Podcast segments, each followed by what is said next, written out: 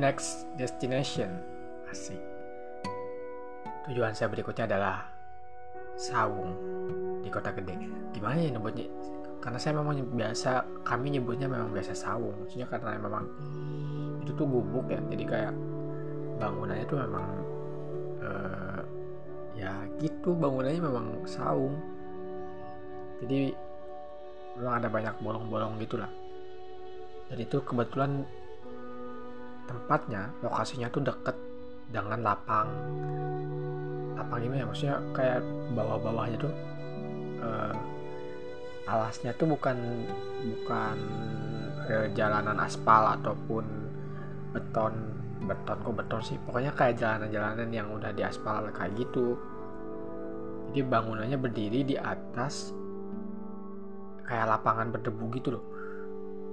Kayak gitu. Jadi akhirnya kalau diem di situ tuh pasti banyak debu dan debunya memang masuk ke saung karena kalau saung kan nggak ada lapis keduanya gitu di, di dalam tuh.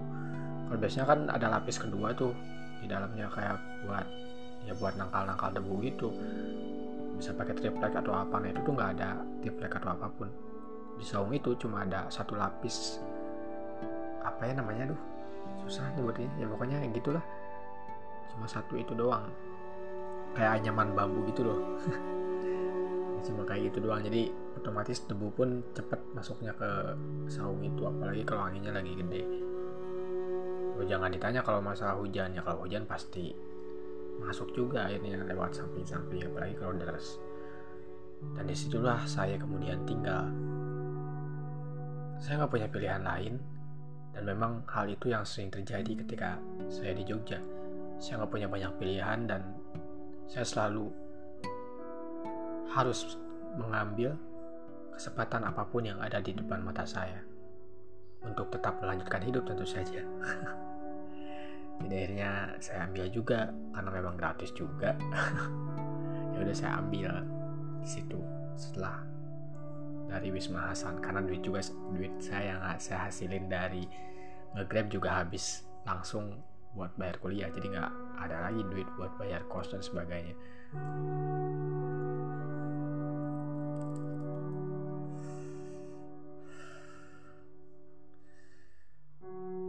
Dan satu lagi kekurangan yang fatal di saung itu adalah ada toilet di luar tapi nggak ada airnya.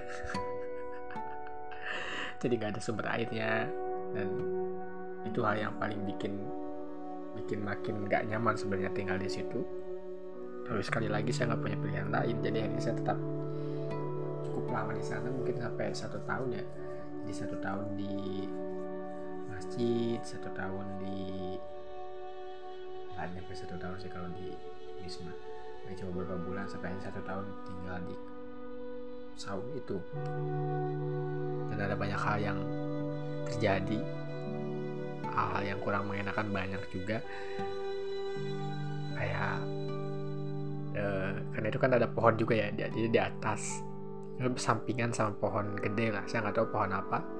Tapi pohon itu ada banyak ulat bulunya jadi kalau ter tertebak angin ya kadang si bulunya tuh masuk ke ke saung.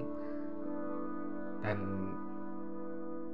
kulit saya lumayan sensitif untuk hal-hal yang seperti itu ya jadi maksudnya kayak gatel gitu cepat bentol-bentol kalau kena nyamuk apalagi uh, yang kayak gituan. Jadi saya juga sering banget gatel-gatel karena kena ulat bulu gitu. Jadi kayak tiba-tiba lagi rebahan tuh kok gatel-gatel? Tiba-tiba gatel-gatel. Oh ternyata ada uh, bulunya ulat bulu. Ah. Kayak gitu. Jadi ya gitulah. Pokoknya jadinya memang nggak terawat juga karena nggak ada air kita susah buat beres-beres karena nggak ada air juga gitu. Jadi kayak tiap hari debu datang bahkan tiap jam tiap menit gitu kayaknya. Jadi tiap kita beresin nih misalnya satu jam kita beresin uh, itu saung cuma dalam beberapa jam aja langsung penuh debu lagi gitu. Pokoknya ribet banget hidup di sana. Tapi baiknya adalah waktu itu saya lagi sibuk banget di luar karena ikut kegiatan-kegiatan ekstrakurikuler dan saya punya tanggung jawab yang lebih di sana. Jadi kayak ke kampus itu cuma untuk kelas kemudian ikut kegiatan lain di ekstrakurikuler yang rata-rata banyak banget menghabiskan waktu sampai larut malam gitu. Jadi tiap hari kerjaan saya adalah ya gitu di saung di kota gede itu paling cuma ngikut tidur doang gak betah karena saya juga gak betah lama-lama di sana. Dan karena nggak ada air tantangan terbesarnya adalah saya harus selalu cari toilet buat mandi. Jadi jadi tiap hari itu saya sekolah eh, sekolah kuliah itu saya bawa kantong coklat. Dari isi kantong coklat itu bukan buku guys. Isinya adalah anduk dan alat-alat mandi. Jadi saya mandi di tempat di mana pun dan toilet yang kira-kira saya bisa mandi di situ. Ya walaupun ada ada ada tempat-tempat khusus yang saya jadi saya tahu nih masjid-masjid mana yang dia toiletnya bisa saya pakai buat mandi gitu. Dan di jam-jam mana ketika toilet itu bisa saya gunakan buat mandi. Sampai hanya benar-benar sama DKM-nya tuh udah tahu lah kamu mandi ya? Kamu mas? gitu. Mas saya ikut mandi soalnya nggak ada air gitu dan itu tiap hari berlanjut seperti itu sampai ya lumayan sampai satu tahun kayaknya kena deh gitu.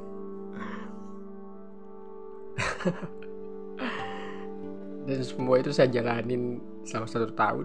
Lumayan juga ya maksudnya lama juga hidup terlunta-lunta kayak gitu. Ya kayak gitulah. Dan makanya saya jarang juga diem di sana. Dan teman-teman yang menampung saya selama satu tahun di kos itu adalah beberapa orang itu sungguh menyenangkan punya teman-teman yang ngekos gitu. Numpang aja kerjanya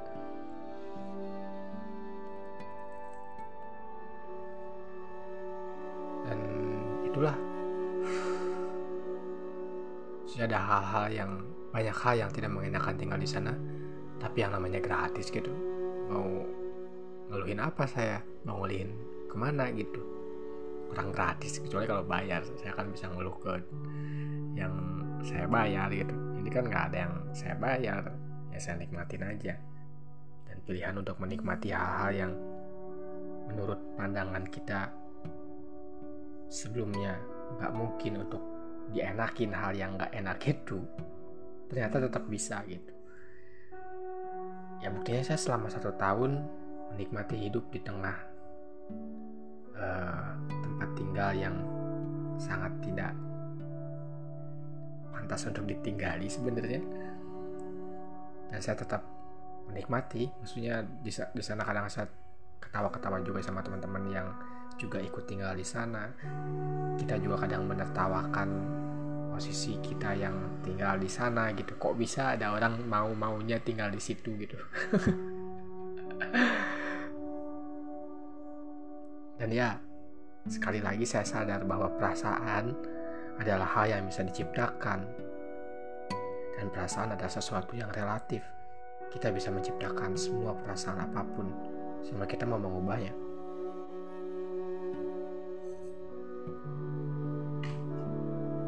Apakah keadaannya buruk? Apakah keadaannya mendesak?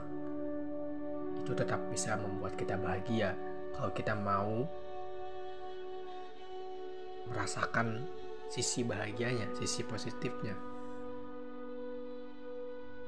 Dan itu yang kadang kita lupakan ketika menghadapi hal-hal sulit. Padahal ada banyak hal juga yang bisa kita pandang di sisi yang membuat kita senang sebenarnya menghadapi kesusahan-kesusahan tersebut. Gitu sih. Mari kita lanjutkan ke satu titik satu hal yang membuat saya cukup bingung juga ketika tinggal di sana dengan penghasilan saya yang seadanya ada satu hal. Saya ceritakan di episode berikutnya